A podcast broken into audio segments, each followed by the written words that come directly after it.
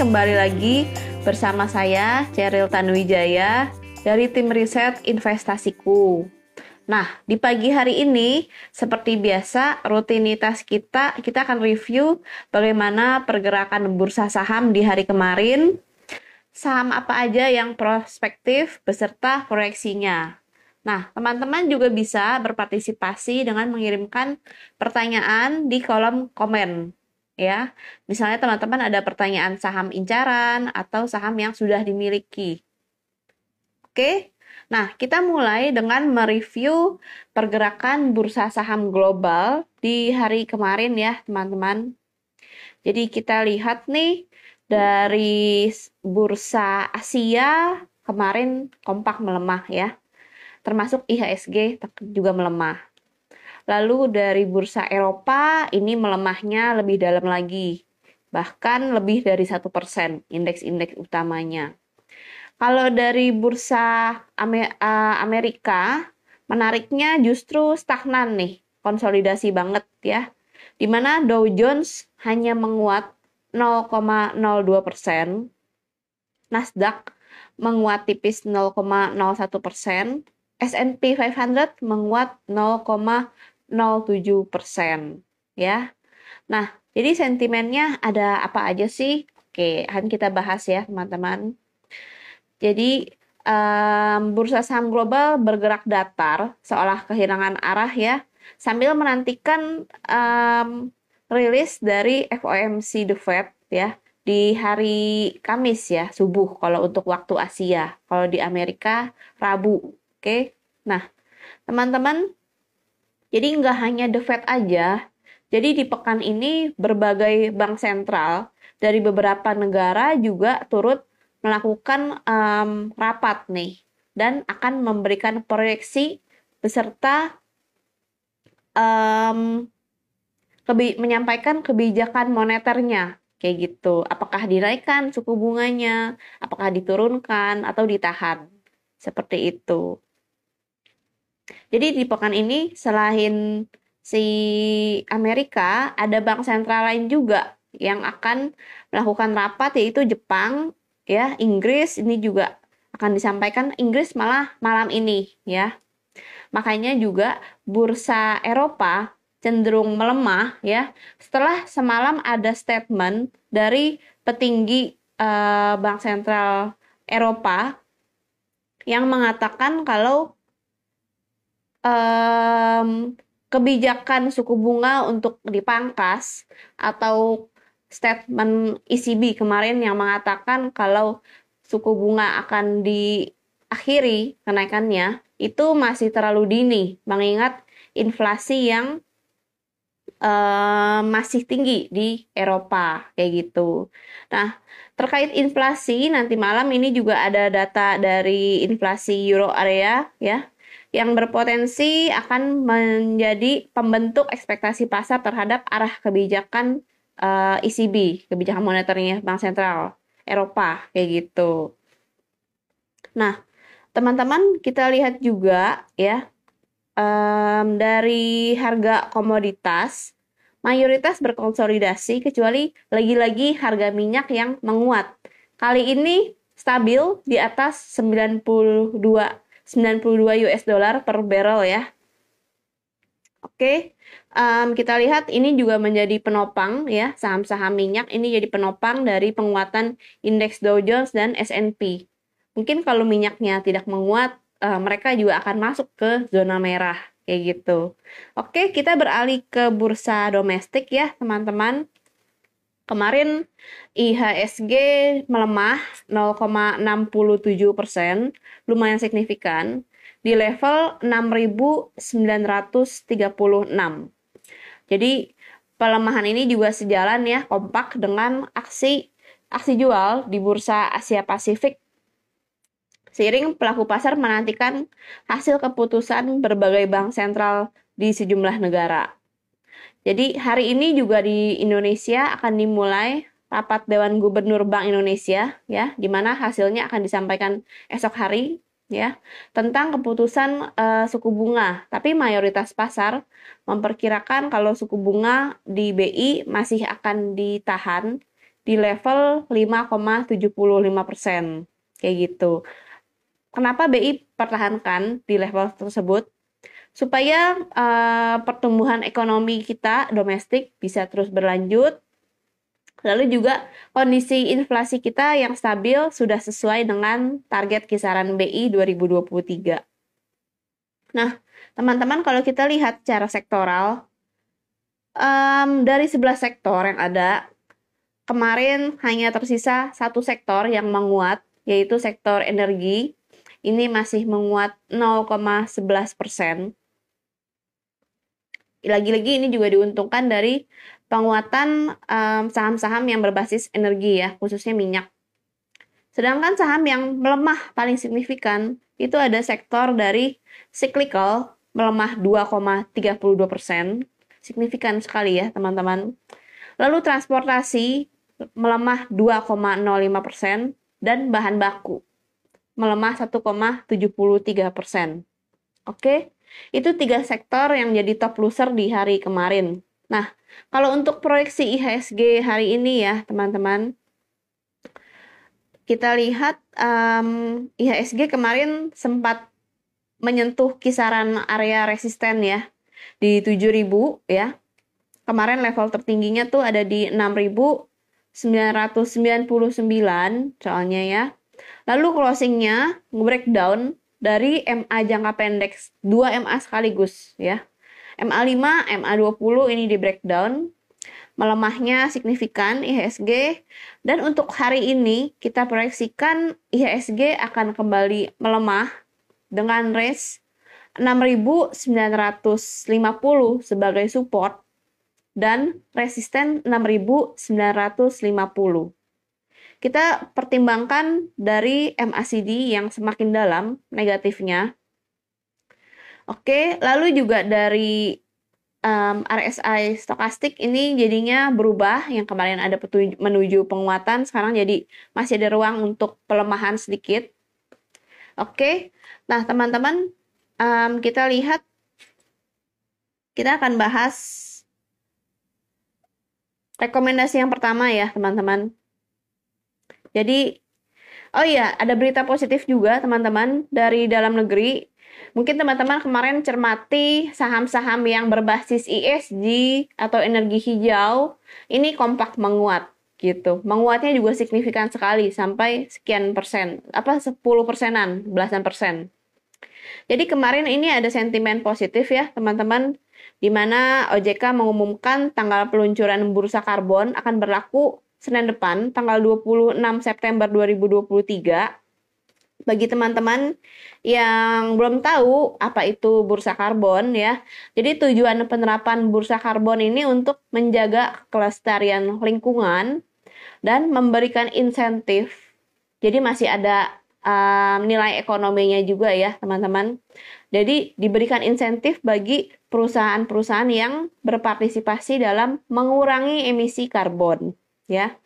Jadi pihak penyelenggaranya ini Bursa Efek Indonesia sama seperti saham.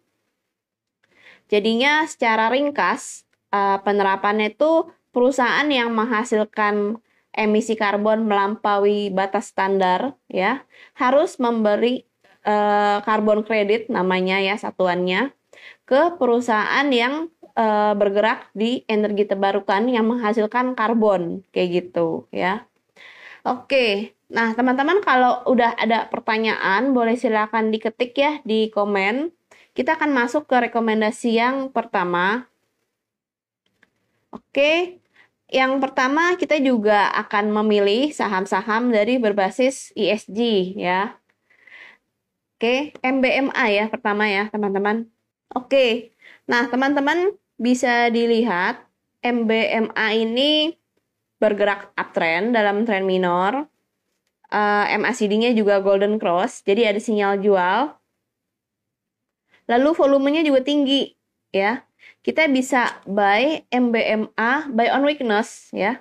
Di harga 880 sampai 890 ya. Kita targetnya di uh, level tertingginya saat hari perdananya IPO, yaitu di 950. Stop loss di 850. MBMA ya yang pertama. Berikutnya yang kedua ada kayu Darmi bersaudara TBK. Ini kita pakai Fibonacci retracement ya teman-teman. Oke, nah jadi teman-teman bisa lihat ini si kayu juga uptrend ya. Uptrend lalu kita lihat um, dia akan menguji resisten Fibonacci di level 392 ya. Kita lihat secara support juga dia baru aja disupport dari MA5 barusan ngebreak dari posisi closing kemarin ya. Um, dari MACD dan RS, RSI stokastik juga masih mendukung untuk penguatan si kayu. Oke. Nah, kita bisa buy di harga 354 sampai 358. Take profitnya di area resisten Fibonacci ya di 392 Stop loss di 340. Oke. Berikutnya yang ketiga ada S S hardware. Nah, S hardware ini menarik ya, teman-teman.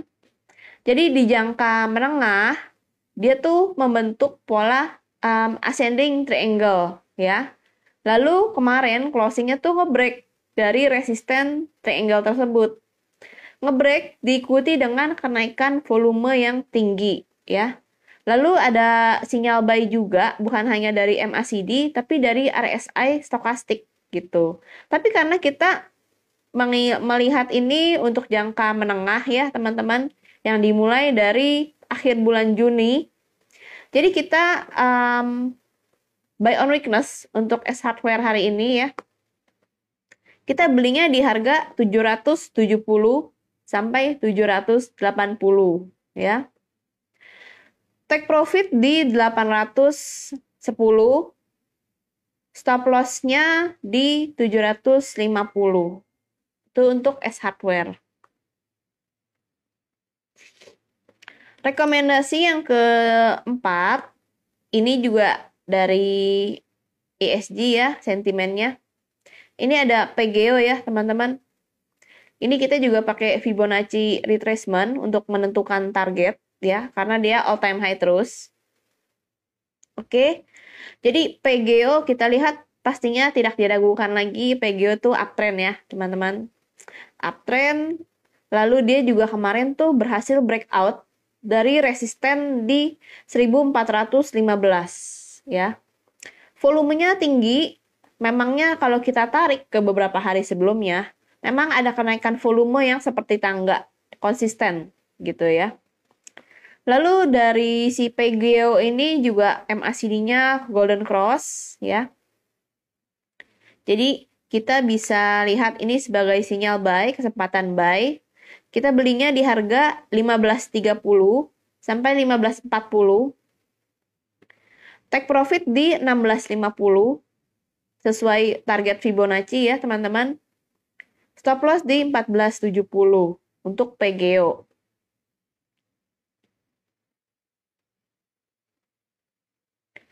Lalu Tebik ya, rekomendasi berikutnya. Rekomendasi yang terakhir hari ini ada Tebik. Nah, Tebik ini membentuk pola descending triangle ya, teman-teman, di tren minor yang dimulai di pertengahan Agustus. Sekarang si Tebik ini lagi menguji support dari support triple top yang ter, triple bottom yang terbentuk ya. Kemarin dia juga berhasil rebound dari area support tersebut. Lalu dari RSI stokastik ini ada golden cross ya. Kita bisa buy Tebik di harga 2020 sampai 2030. Take profit di 2120. Stop loss di 2000 ya. Oke, teman-teman, sekarang kita masuk ke sesi berikutnya, sesi tanya jawab ya. Wah, udah rame nih pertanyaannya dari teman-teman. Oke, baik. Kita akan membahas hit ya. Hits kali ya. Ya, hits. Oke.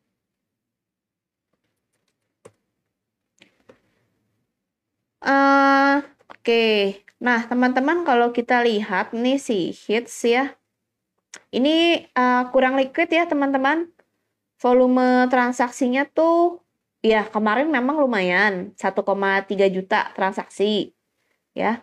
Tapi hari-hari sebelumnya tuh agak kurang liquid nih. Jadi hati-hati karena rata-rata transaksinya tuh uh, di bawah 1 juta transaksi per hari gitu ya dari volume. Oke. Nah, teman-teman memang kita lihat kemarin menarik ya. Uh, hit nih ada candle bullish Marubozu ya. Um, volumenya mendadak naik tapi kalau kita breakdown ini volumenya naik nih di sesi kita bisa lihat lagi ya. Kita perkecil time frame-nya. Volume naik ini di jam 11 siang kemarin ya, mulai naik ya. Oke, sempat ngedrop jam 1, lalu aksi jual jam 2, jam 3 ini ada aksi akumulasi lagi ya. Jadi agak mencurigakan ya, uh, perlu berhati-hati apalagi sahamnya ini kurang liquid. Tadi kita sudah bahas volumenya uh, sepi ya.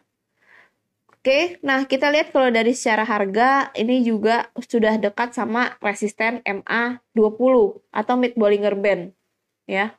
Jadi kurang menarik ya. Baiknya kita uh, switch ke saham lain aja. Kayak gitu. Berikutnya ada Oasa.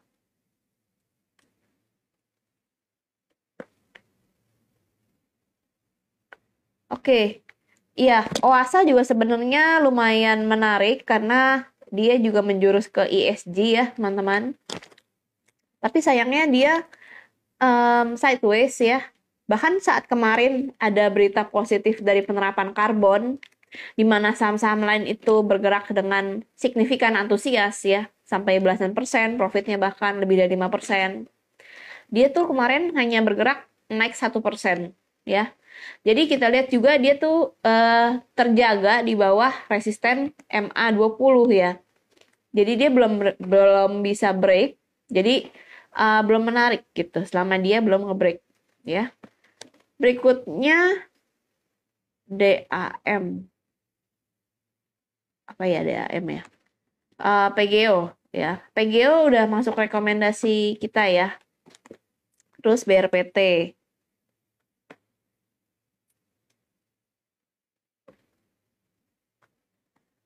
Nah, teman-teman, kalau BRPT agak hati-hati nih, ya. Dia tuh udah muncul candle doji reversal ya di uh, upper Bollinger Band ya. Jadi ini tanda-tanda uh, reversal gitu ya.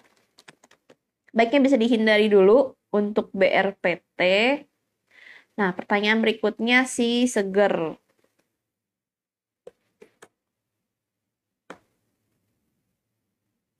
Oke. Ini segar juga menarik ya, teman-teman. Segar menarik, tapi hati-hati level psikologis harga 2000 ini menjadi resisten kayak gitu ya. Apalagi kalau dari RSI stokastik ini sudah berbalik arah jadi dead cross gitu. Meskipun MACD-nya masih positif. Tapi uh, dengan mempertimbangkan hal tersebut, Sebaiknya teman-teman yang sudah punya posisi di seger bisa lakukan sell on strength dulu ya. Nanti kita bisa buy on weakness lagi untuk seger. Oke. Pertanyaan berikutnya ada dari HRTA. Oke, baik. Si harta dinata ini kita lihat kemarin memang uh, berbalik arah ya tertarik kena sentimen negatif dari bursa global ya. IHSG-nya juga koreksi 0,6 persen. Oke, nah si harta ini kita wait and see dulu ya teman-teman, baru entry lagi. Tapi kalau kita lihat harga emas uh, lagi konsolidasi ya. Untuk hari ini mungkin kita bisa fokus ke eh, saham-saham uh, yang diuntungkan dari energi hijau, dari kebijakan bursa karbon ya. Berikutnya ada pertanyaan soal Medco.